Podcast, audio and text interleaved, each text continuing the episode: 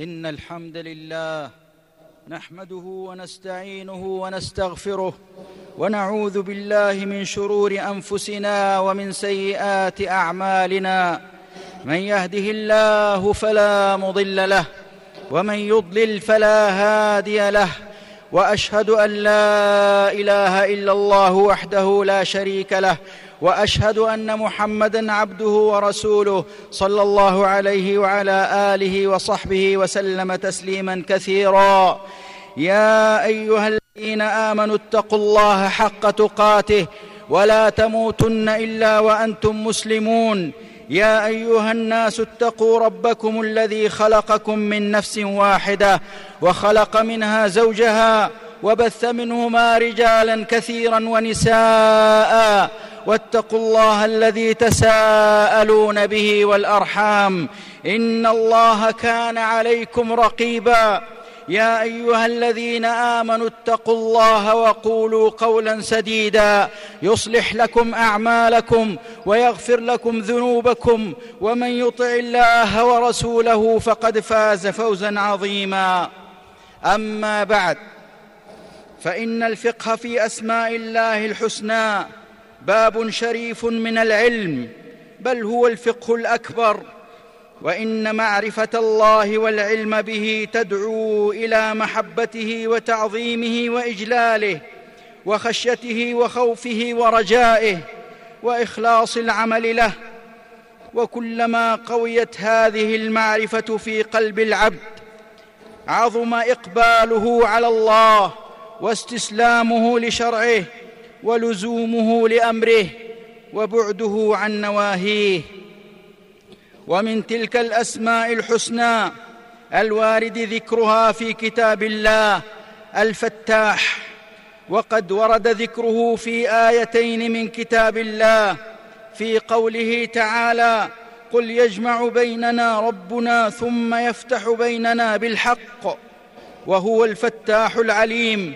وقوله تعالى وسع ربنا كل شيء علما. على الله توكلنا. ربنا افتح بيننا وبين قومنا بالحق وأنت خير الفاتحين. وقد تكلم العلماء في معنى اسم الفتاح جل في علاه. قال ابن القيم رحمه الله للفتاح معنيان الأول يرجع إلى معنى الحكم الذي يفتح بين عباده. ويحكم بينهم بشرعه ويحكم بينهم بإثابة الطائعين وعقوبة العاصين في الدنيا والآخرة. المعنى الثاني فتحه لعباده جميع أبواب الخيرات. قال تعالى ما يفتح الله للناس من رحمة فلا ممسك لها.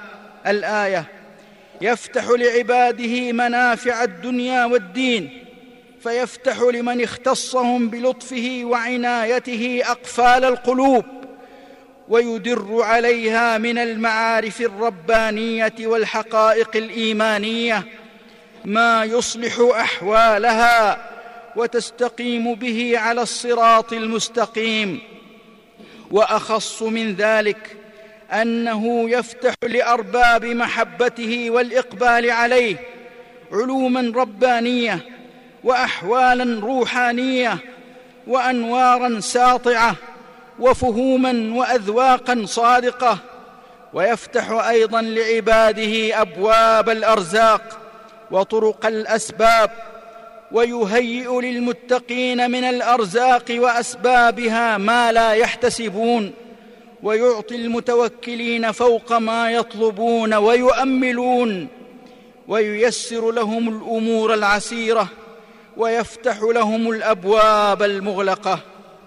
أيها الإخوة إن إيمان العبد بأن ربه سبحانه هو الفتاح يستوجب من العبد حسن توجه إلى الله وحده بأن يفتح له أبواب الهداية وأبواب الرزق وأبواب الرحمة وأن يفتح على قلبه بشرح صدره للخير. قال تعالى أفمن شرح الله صدره للإسلام فهو على نور من ربه؟ وهذا الفتح والشرح ليس له حد وقد أخذ كل مؤمن منه بحظ ولم يخيب الله منه سوى الكافرين. فيا عبد الله ما أجمل أن تتعرف على اسم الله الفتاح وتتدبر معانيه وتدعوه به فهو الذي يستجيب دعاءك ويحقق لك مرادك ورجاءك. إذا آمنت أن الله هو الفتاح هو الحكم هو الذي يرفع ويخفض هو الذي يكشف الحقائق هو الذي يجلي الأمور هو الذي يزيل الالتباس. فلا تقلق مهما أصابك. ومتى جهل عليك وأسيء إليك فلا تخف ولا تحزن فالله الفتاح ناصرك ومؤيدك إذا استقر في نفسك أن الله هو الفتاح الذي يفتح لك الأبواب المغلقة والأمور المستعصية فلا تغتم وإذا أوصدت أمامك أبواب الناس وحيل بينك وبين ما تريد من الخير فلا تجزع. بل الجأ إلى الفتاح واهرع إلى الذي بيده مقاليد كل شيء. أتدري يا عبد الله من هو الفتاح؟ إنه الذي يفتح لعباده منافع الدنيا والدين ويفتح لهم جميع أبواب الخيرات. ويفتح للعبد كل ما أغلق من أبواب بوجهه نتيجة مصائب ومشكلات ومعضلات وصعوبات. لو استقر هذا المعنى بقلبك ولو تعبدت الله بهذه المعاني لكانت عزيمتك أقوى من غيرك وهمتك أعلى. ولكنت مطمئنا لأنك مع الفتاح سبحانه. وما دمت أنك تعبد الله الفتاح. فتذلل إليه وانكسر بين يديه وأنزل حاجتك به وسله قائلا يا فتاح افتح لي أبواب رحمتك. يا فتاح افتح لي أبواب رزقك.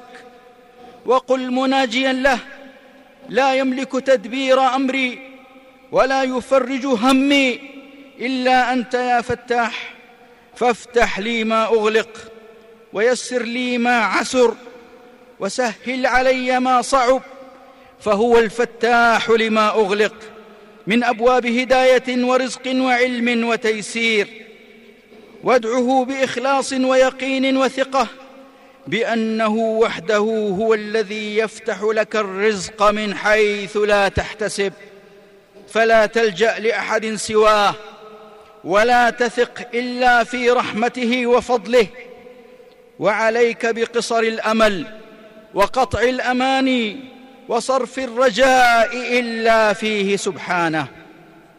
أيها المسلمون أبواب الفتح كثيرة فكونوا ممن يطلبها ممن يملكها. فمنها فتحه سبحانه لعباده باب التوبة.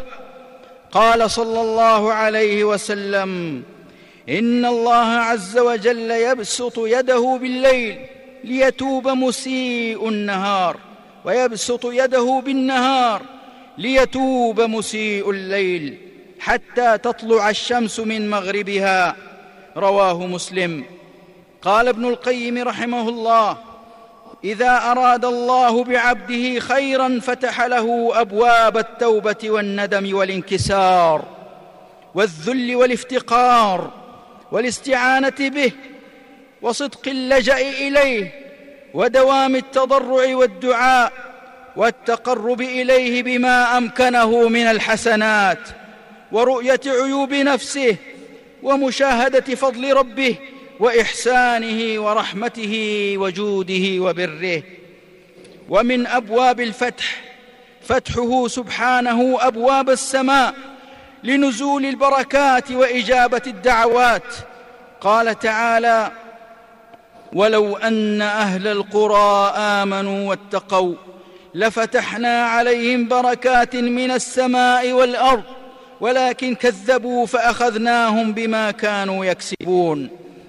ومنها ما يفتح الله على العبد المؤمن قبل موته بعمل صالح.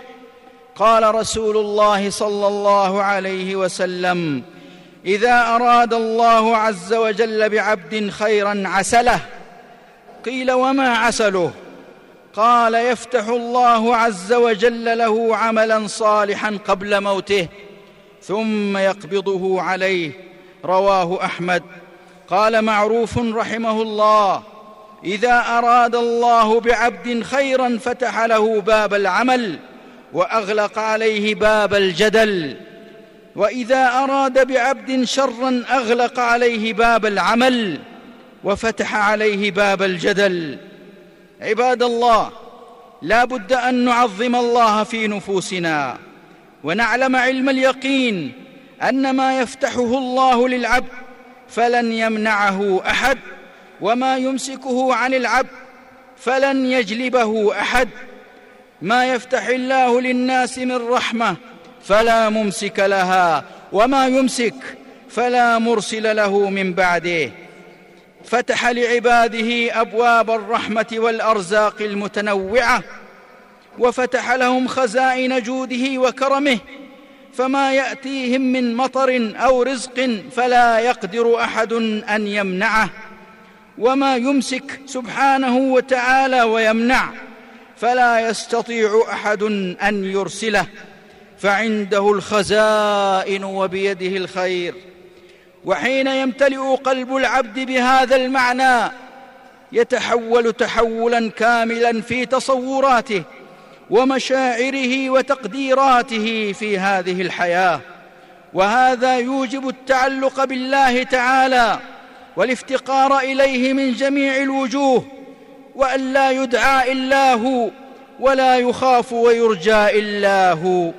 فاللهم اجعلنا ممن توكل عليك فكفيته واستهداك فهديته واستغفرك فغفرت له واستنصرك فنصرته ودعاك فأجبته. أقول هذا القول وأستغفر الله لي ولكم. الحمد لله ذي العظمة والجلال الذي تفرد بكل جمال وجلال وأشهد أن لا إله إلا الله وحده لا شريك له ولا ند ولا شبيه ولا مثال. له الأسماء الحسنى والصفات العلى وهو الكبير المتعال وأشهد أن سيدنا ونبينا محمدا عبده ورسوله. أعظم الناس عباده وأكملهم لله خشية وأكرمهم خلقا فأعظم به من نبي حميد الخصال. أما بعد فيا عبد الله تدبر قوله تعالى ما يفتح الله للناس من رحمة وتذكر أنه لا أحد يمسك رحمة الله إذا فتحها عليك ولا يدفعها ويمنعها إذا أرسلها لك.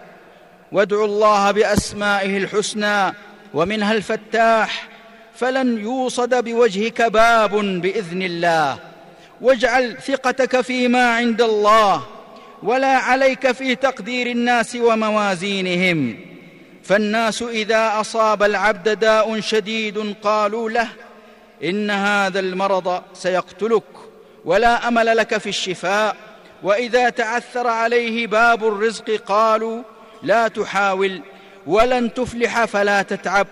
لكن من يحول بين العبد ورحمة ربه؟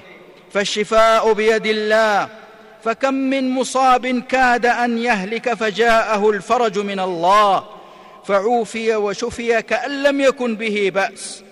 وكم من ساع في طلب الرزق يأخذ بالأسباب فيفتح الله عليه ويدر عليه الرزق ويصب عليه الخير صبا.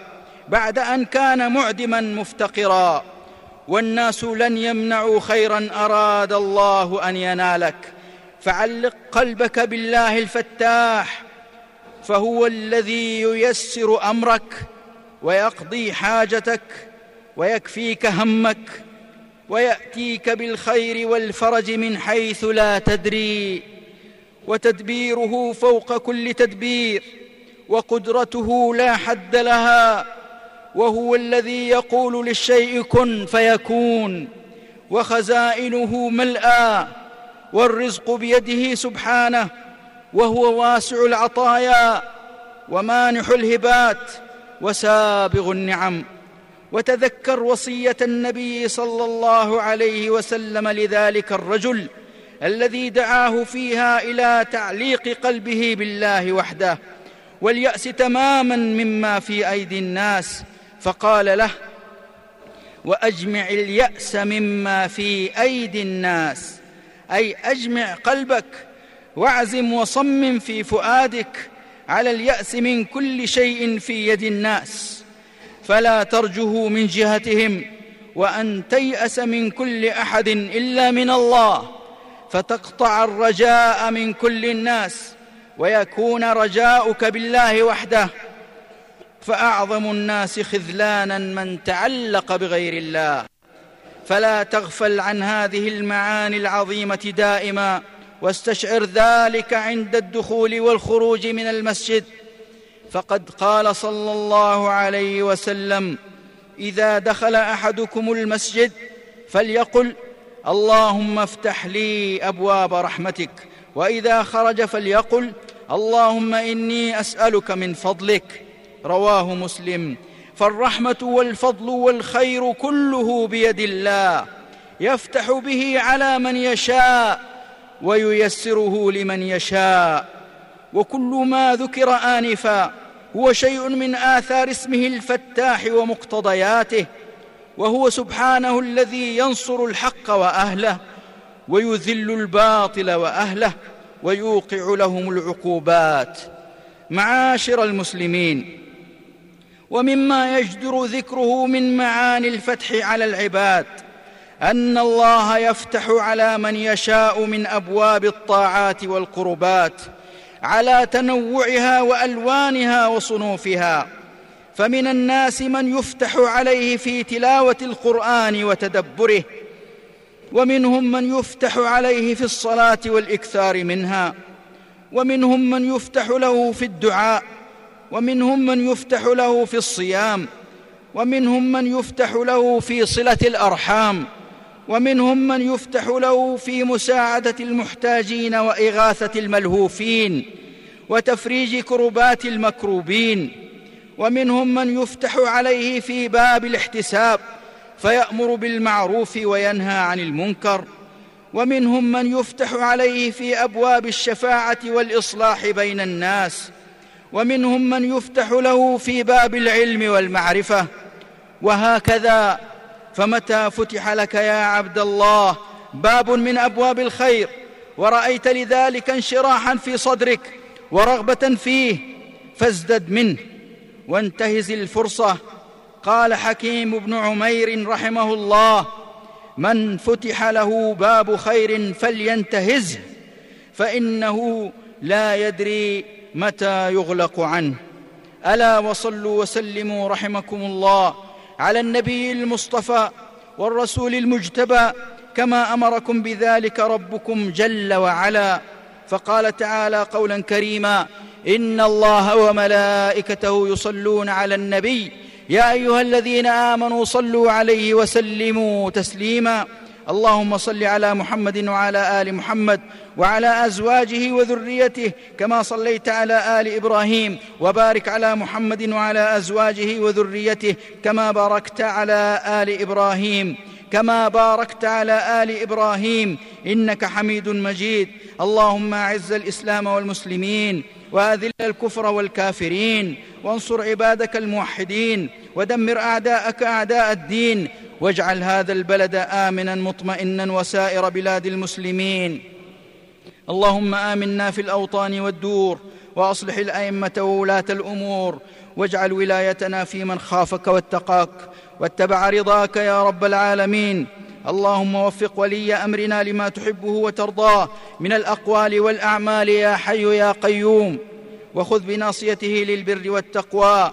اللهم كن لاخواننا المستضعفين والمجاهدين في سبيلك والمرابطين على الثغور وحماة الحدود. اللهم كن لهم معينا ونصيرا ومؤيدا وظهيرا. اللهم إنا نسألك ونتوسل إليك باسمك الفتاح وندعوك بأنك الفتاح وبأنك خير الفاتحين. أن تفتح على قلوبنا بالإيمان والهداية واليقين. وأن تفتح لنا خزائن رحمتك وأبواب كرمك وموائد برك وواسع فضلك ونعمك. إنك سميع مجيب. والحمد لله رب العالمين.